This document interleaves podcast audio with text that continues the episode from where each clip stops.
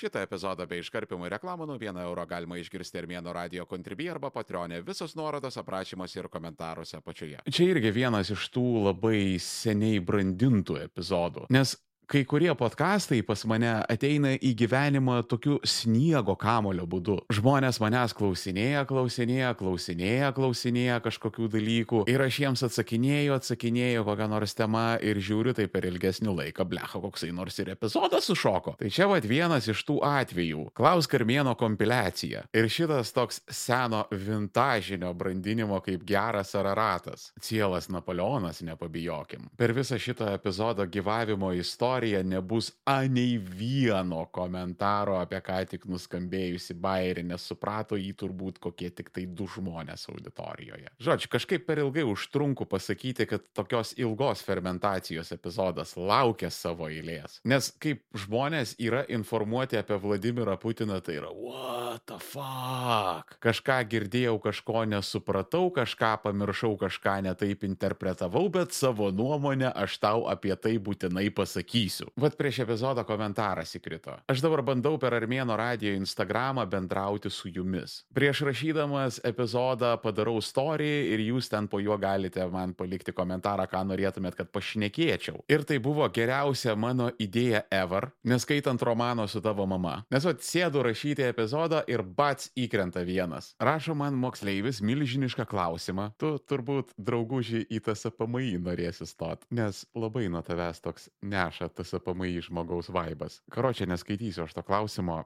Vienas jame teiginys tiesiog užkabino akį. Na, na, na, na, na, na, kaip komunistas Vladimiras Putinas, da, da, da, da, da, da. Vat iš karto, va tiesiog sėdi rašyti epizodą ir iš karto prasideda autizmas. Ir aš suprantu, kad aš bereikalo kabinėjosi. Bet jums reikia suprasti tokį dalyką. Aš šitam topikui, tai yra Vladimirui Putinui ir Rusijai, esu paskyręs belenkiek savo gyvenimo metų. Mano tas domėjimasis prasidėjo maždaug 2011 metais su Balotnoje protestais. Tai kiek čia beveik 10 metų? Ne, pala, ne, ne, ne 10, uh, pala, dabar yra 23.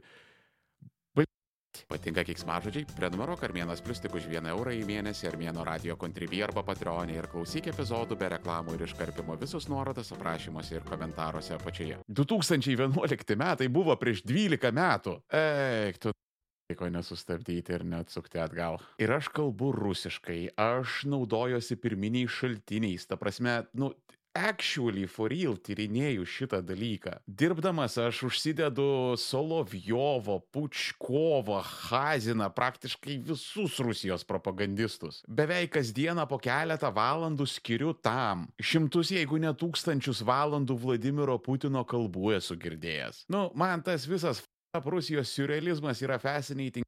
Ir aš negaliu nuo to atsiplėšti ir aš tai kaip mokslininkas, kaip antropologas, mėgėjas, tą dalyką tyrinėju. Ir aš suprantu, kad aš biškelis skambu kaip tie, kur ten nusipirko savo pirmąją guminę valtį. Kada jūros vilkais patampa, prasideda tos visos suraus jūros šunies panetkės. Nebegalima sakyti plaukia. Plaukia. Tas laivai eina, prasideda ta visa jūrinė terminologija, galijūnas, kambūzas. Tu karoliniškėse užaugai. Tu visom vasarom maudeisi žaliuose ežeruose ir jūrą pirmą kartą dvylikos pamatėjai. Tu na žvejybai nusipirkai nukainuotą pripučiamą valtį iš senukų, o jautiesi kapitonas Flintas. Tai aš pakankamai aiškiai suvokiu, kad aš galiu pretenzingai skambėti, kai va šitie va žmonės, bet per daug aš laiko į tai esu investavęs ir man kelio atgal nebėra, todėl aš neužmygsiu tol, kol visi klystantis internete nebus paprotinti ir pataisyti. Žodžiu, Vladimiras Putinas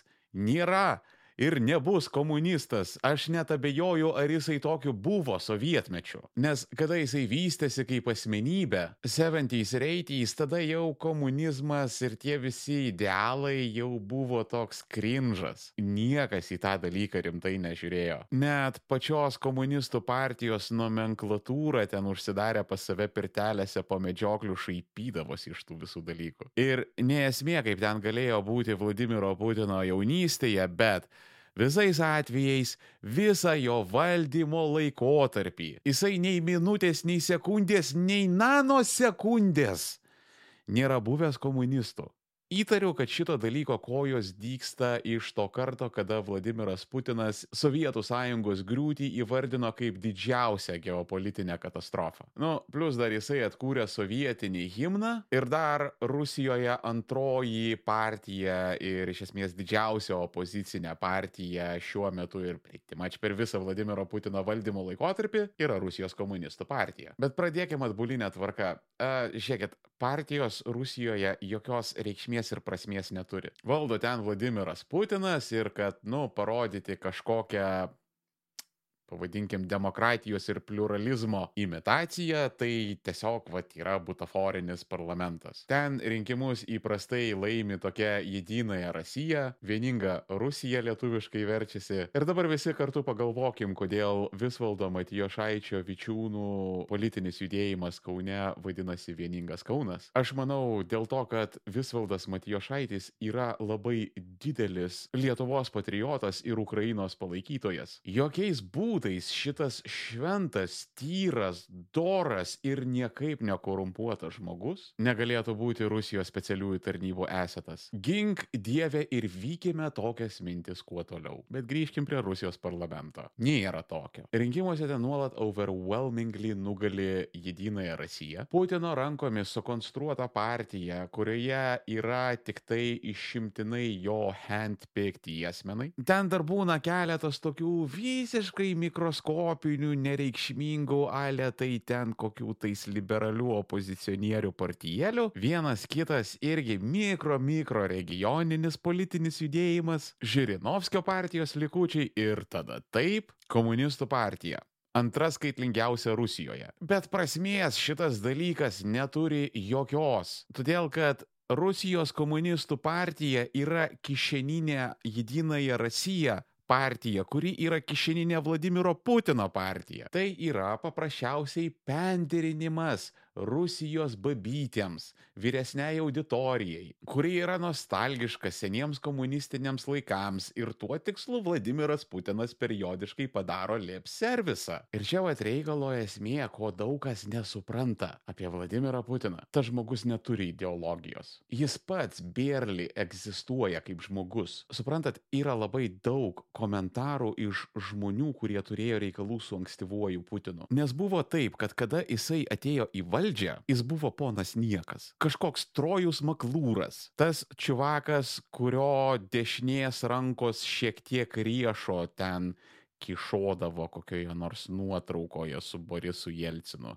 pirmuoju Rusijos prezidentu. Aš pilnai suvokiu, kad jūs žinote, kas yra pirmasis Rusijos prezidentas, bet žinokit, labai daug žmonių klauso šito podkasto, kurių gimimo data prasideda nuo 20 ir jiems reikia aiškinti tokius dalykus. Ir va tavat bičą, tuo metu Rusiją valdė oligarchai paskiria prezidentu, nes Jelcino reitingas šiknoj, žmonės labai nepatenkinti, pasirengę sukilti, reikia katinti šitą seną chronių ir statyti naują veidą. Pasirinko Putiną dėl to, kad jisai buvo tiesiog nuostabus jesmenas, idealus people pleaseris ir buvo tokia žiauriai pilka, žiauriai nyki asmenybė ir todėl nekėlė ane jokios grėsmės. Ir tie ankstyvieji polittechnologai, kuriems papuolė Vladimiras Putinas į rankas ir iš kurio jiems reikėjo sukonstruoti prezidentą, negaliu nerekomenduoti Gleb Pavlovskį. Deja jau amžinatilsi, bet pilnas YouTube'as yra jo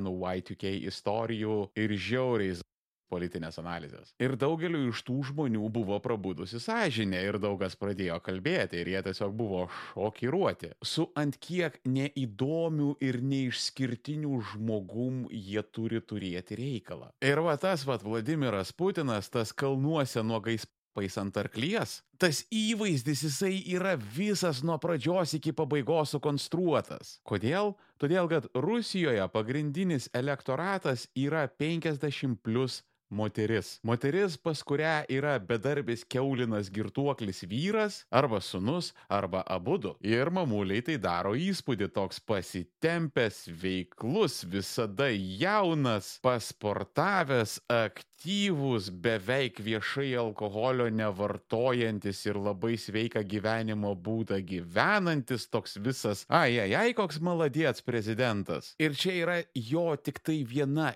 iš personų, nes yra padirbėta su visomis demografijomis. Vladimiras Putinas yra paprasčiausiai socialinis konstruktas, kuris turi avatarą kiekvienam vartotojui. Kada jisai važiuoja pas kokius nors verslininkus, tai jo kalbos yra išimtinai ekonomiškai liberalios. Kada ten varo pas kunigus, tai o seni, seni tradicinės vertybės, krikščioniškos vertybės, all the way seni. Pažiūrėkite šitą mano kryžių ir paklausykit, kaip aš jums papasakosiu istoriją apie tai, kaip sudegė mūsų būtas ir vienintelis dalykas, kuris išliko, tai buvo tik tai šitas kryžius. Tas pats su komunistais, nacionalistais ir visais. Ta prasme, kiekviena auditorija Rusijoje turi savo Vladimirą Putiną. Nu, čia kaip Disnėjus, kaip Marvel filmai, kada ta pati legenda yra perparduodama vis kitokiai auditorijai. Labai tas smarkiai pasimato, kada pradedi analizuoti Vladimiro Putino kalbas.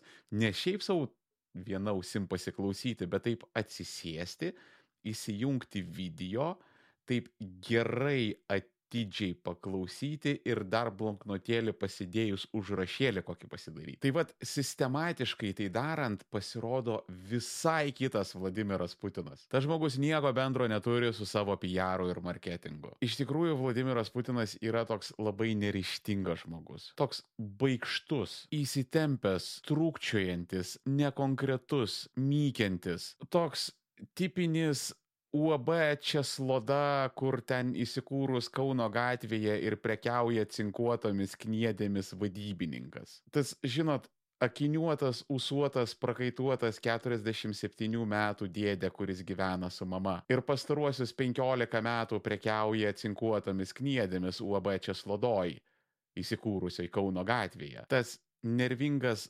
prakaituotas, tvinkčiantis tipažas, šalia kurio tu nenori būti, nes jis, nu, nieko blogo nedaro, bet tu tiesiog vien būdamas šalia jo pradedi nervuotis. Tai čia va yra Vladimiras Putinas. Net jeigu nekalbate rusiškai, įsijunkite jo kalbas, paklausykite tos intonacijos. E, Tokia nosinė mykianti, nekonkreti tokia biški mikčiojanti, tokia vat visa. Jis veidų labai smarkiai artikuliuoja ir tai sukelia tokį uh, stiprinantį efektą, bet jeigu išjungi vaizdą ir palieki vien tik tai garsą, uh, lieka toks gailus, besiteisinančio tokio valdiško biurokratėlio kažkur tauragės rajone biškelį prisidirbusio ten dėktinėlas išgėrusio pagauto už vairo tokio besiteisinančio merui intonaciją. Ir dar atkreipkite dėmesį į jo kūno padėtį. Jis nuolat trypčioja, jis nuolat keičia savo padėtį. Ir nors Putinas matosi labai gerai yra atrepetavęs tą savo tokią viercho pahotkę, bet kada jisai statiškas, iš karto viskas išlenda lauk. Aš manau, dar pas jį turėtų būti koksai nors neramių kojų sindromas. Nes esu jį stebėjęs visokiose pres konferencijose ir kartais išsprūsta tokie kadrai, kur, vat, nu, matosi, kad, nu, tiesiog jisai negali nusėdėti kaip hiperaktyvus vaikas. Jis ten kažką vis malasi, vis ten varto kažkokius tušinukus, vis ten krapšto dokumentus, kažką ten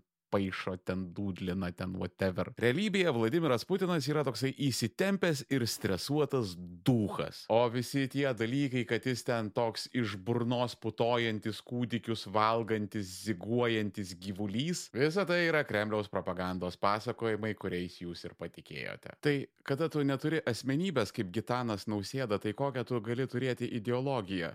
Lygiai kaip ir Gitanas Nausėda. Čia biškelį kažkodėl nunešė mane tolyn ir pradėjau fantazuoti apie tai, kaip Vladimiras Putinas atrodytų, jeigu būtų paprastas žmogus ir gyventų Lietuvoje. Bet kažkaip į labai keistas ir tamses vietas mane nunešė ir prasidėjo kalbos apie gyvūnų Ir turėjau liautis ir padėti viską į Armėnas Pro. Ten, kur manęs nekilins jokie platformų algoritmai ir botai. Armėnas Pro - pilnos trukmės epizodai be reklamų. Užsisakyk planą Armėno radio kontribį arba Patreonė tik 4 eurai 99 į mėnesį. Visus nuorodos aprašymuose ir komentaruose apačioje. Kremlius šiaip yra organizacija, kuri moka daryti tik tai PR. Visos reformos praktiškai didžioji dauguma, kurių Vladimiras Putinas ėmėsi, jos visos nepavyko. Tik va tos va pačios pirmosios, pirmoji Vladimiro Putino kadencijoje va tos va kažkaip kreivai šleivai buvo įgyvendintos ir tik dėka tos komandos, kurią Putinui paskyrė jį į valdžią iškėlę oligarchai. Vėliau jisai tų žmonių atsikratys ir gana greitai, nes visi, kas yra už jį kompetitingesni, gali jam kelti potencialiai politinę grėsmę. Nu ten sėkmingai išsikelti prezidento rinkimuose arba suburti koaliciją ir patiliukais padaryti dvaro perversmą. Ir visi Rusijos establishmente buvę žmonės su kažkiek smegenų ir kohonės buvo napalmų išvalyti. Palikti tik debilai, bestuburiai arba bestuburiai debilai. Dirba bet grėsmės nekelia. Kai tik Rusija pradėjo karą Ukrainoje ir ta visa open source intelligence community sušoko prie šaltinių, pradėjo daryti žemėlapius, pradėjo trekinti Rusijos kariuomenės judesius, visi tiesiog buvo šokiruoti. Ten žmonės ilgai trynė akis ir negalėjo jomis pasitikėti. Dėl to, kad niekas taip nedaro, niekas, nu, neužsijama tokiais manevrais. Niekas neužeina į valstybę nesibaigiančiamis šimta kilometrinėmis kolonomis, jūs juokaujate. Jūsgi džiavelinai sušaudys kaip antis bačkoj, kas labai greitai ir įvyko. Bet daugelis iki džiavelinų nedavažiavo, nes paprasčiausiai baigėsi kūras. Kažkas išvokta, kažkas pragerta, kažkas nepagalvojo. Vienas ką paramos fondas jau užtiso daugybę orkų šventoje Ukrainos žemėje, bet tų orkų yra daug ir mums labai reikalinga jūsų pagalba juos pitti. Pitti orkus kartu su vienas K paramos fondu. donate.onekfund.org arba ieškokit nuorodo komentaruose apačioje. Ačiū Jums labai. Vienas K paramos fondas. Mes visus išpirkime. Seriously, Kremlius yra komiškai inept, išskyrus PR. Šitą jie sugeba tobulai. Ir dėl to Rusija yra tiesiog vienas didelis PR projektas. Tai ne valstybė, o paprasčiausias marketingas. Ta prasme, tą driskių armiją pavadinti antrąją armiją pasaulyje. Ir pavyzdžiui, Maskva prieš karą, kiek aš esu atsiliepimų girdėjęs, kad belen kaip geras miestas. Norit tikėkit, norit ne, bet labai smarkiai modernizuotas, labai gerai išvystyta infrastruktūra, puikios parduotuvės parduotuvės, pasaulinės klasės restoranai, žiauriai daug įvairios geros ir kokybiškos kultūros, bet čia yra kokiems 5-6 milijonams iš centrinių Maskvos rajonų. Visa kita eina progresyviai blogiau. Vat pagrindiniuose geografiniuose centruose tokią gerą pakazūchą padarykim, kad matytųsi, kad pinigo įdėta buvo. O ten, kas vyksta toliau, tai vienodai šviečia, kad ten skurdas toks, kad Lietuvos taboruose dar reikėtų paieškoti. Suprantat, ir čia yra pati baisiausia dalis apie Vladimirą Putiną, apie Kremlių, apie dabartinį establishmentą. Visi čia plytom dėl brandulinių ginklų ir suvalkų koridorių. Ką ten tas beprotis Vladimiras Putinas planuoja? Ką jisai sugalvojęs, kur jisai dar eskaluosis? Žiūrėkit, pasakysiu tai labai lietai ir primiktinai aiškiai. Rusijoje niekas situacijos nekontroliuoja. Vladimiras Putinas yra figureheadas ir įtakingas figureheadas. Bet viskas ten laikosi iki pat tos akimirkos, kol kažkas riktelės mama karalius nuogas. Todėl, kad tai yra fake valstybė. Geopolitinė hologramos projekcija. Prikožino maištas yra idealus pavyzdys. Rusijos samdinių kompanija kariavusi Ukrainoje dezertiravo, užėmė ištisą Rusijos miestą, susirinko ginklus ir patraukė link Maskvos ir buvo sustabdyti keli šimtai kilometrų nuo jos. Ar jūs tai įsivaizduojate kokią nors Amerikoje ir kitoje NATO valstybėje, su ta pačia NATO, su kuria Kremlius ruošiasi kariauti, kad USA koksai nors Blackwateris, nes jie irgi turi samdinių, kuris kariauja Meksikoje, by the way, true story, yra JAV samdinių Meksikoje, kur ten biški su korteliais padeda. Tai vad, primeskit, jie visi nelegaliai kirstų Meksikos Amerikos sieną ir tokia didelė ginkluota kolona judėtų link Vašingtono ir pakeliui dar pašautų lėktuvų su sraigtasparniais. Tai yra net teoriškai neįmanoma, nes Amerikoje ir bet kokioje kitoje nepijarinėje, neholograminėje valstybėje toks dalykas būtų sustabdytas dar įžanginėse fazėse. Todėl, kad yra saugumo tarnybos, todėl, kad yra yra specialūs protokolai, todėl kad žmonės nėra debilai ir yra labai atsargus su samdiniais. Turiu omenyje žmonės iš ne fake, normalių, ne holograminių valstybių. Jeigu kažkaip žvalgyba ir kitos žinybos nebūtų sudirbusios ir kažkaip tai išjudėtų į rimtesnį maištą, iš tų žmonių liktų šlapia dėmė dar nekirtus valstybės sienos. Čia jeigu tu gyveni normalioje, ne fake valstybėje, kur yra kariuomenė, kuri veikia, kuri sudaryta ne iš pilvotų alkoholikų, kuriems vadovauja konjakų prasmirdė fake ordinų prisikabinę iš štabo neišlendantis generolai. Nu, suprantat, kur lenkiu? Vladimiras Putinas, kaip pats galingiausias ir įtakingiausias žmogus Rusijoje, sukūrė valdymo sistemą pagal savo atvaizdą, kuri kaip ir jo atvaizdas yra fake, useless, botoksinis gaidys. Ir tu tokios sistemos negali kontroliuoti, tu ten gali nuleisti kažkokį pavedimą, bet ar kažkur ten, va tam pačiam apatiniam lygmenyje, ar tai bus įgyvendinta? Nu kaip, ataskaitos tau suvaikščios, kad viskas ok, viskas yra įgyvendinta, bet ar realiai tai bus, niekas nežino. Ir čia vat yra mano košmaro kūras. Tai yra dalykai, dėl kurių man nesimiega naktimis. Daugam atrodo, kad Vladimiras Putinas yra neprognozuojamas ir nekontroliuojamas, o ne, ne, ne, ne, ne. Žinokit, problema yra ne ten. Didysis siaubas yra tame, kad tas žmogus yra siaubingai prognozuojamas. Bėda yra ta, kad jisai visiškai nevaldo situacijos ir yra tik tai kontrolės iliuzija. Literali, bet kas dabar gali nutikti Rusijoje. Pilietinis karas, o taip, į kokių nors jų tų radikalių nacionalistų rankas papuolęs brandulinis ginklas Laisvai? Demokratinė revoliucija, kodėlgi ne? Girkina su Prigožinu pakeičia Putiną valdžioj. Nu davai? Nu ta prasme, bet kas, bet kas ten gali būti. Dėl to, kad neegzistuojantis fake prezidentas vadovauja neegzistuojančiai fake valstybei. Ir legendos su PR yra puikus dalykai, kada tau reikia sužavėti taukuotą galvį iš Twitterio, bet tai tau nei truputėlio nepadės, kada reikės padaryti actual darbą. Ir tokie žmonės, kaip Vladimiras Putinas, be ideologijos, be pažiūrų, be žinių, be patirties. Tas žmogus net kompiuteriu negali naudotis. Šiais laikais jį galima būtų į darbą priimti tik tai nebent kokiu nors juodadarbiu. Maža to, dar jisai mes produsino savo sistemą apsistatydamas tokiais pačiais kaip jis, pataikaujančiais ir people pleasinančiais jesmenais. Ir va šitas tipas žmonių, jie visada kelia tragedijos ir jie niekada nepripažįsta savo klaidų. Ir jie visada savo kaltę projektuoja ant išorės. NATO kalta, Ukraina kalta. Visi kalti, kad pas pusę Rusijos vieno didžiausių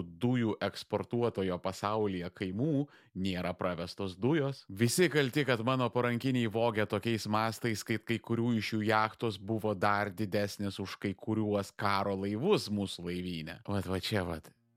Tai yra tikroji Vladimiro Putino esencija. To mažo niekingo auksinį biletą ištraukusio žmogelio, kuriam visą gyvenimą fenomenaliai sekėsi, bet to jam niekada nebuvo gana. Tos gopšios, šlikščios būtybės, kurios norams visatą turėtų paklusti. Štai jisai, mažasis Maskvos princas visame savo gražume. O kitą kartą noriu papasakoti apie savo gentrifikacijos procesą. Kaip iš normalaus 90-aisiais žirmūnuose augusio berno aš pavirtau į kažkokį kremą naudojantį euro tolerastą. Bahūro gentrifikacija.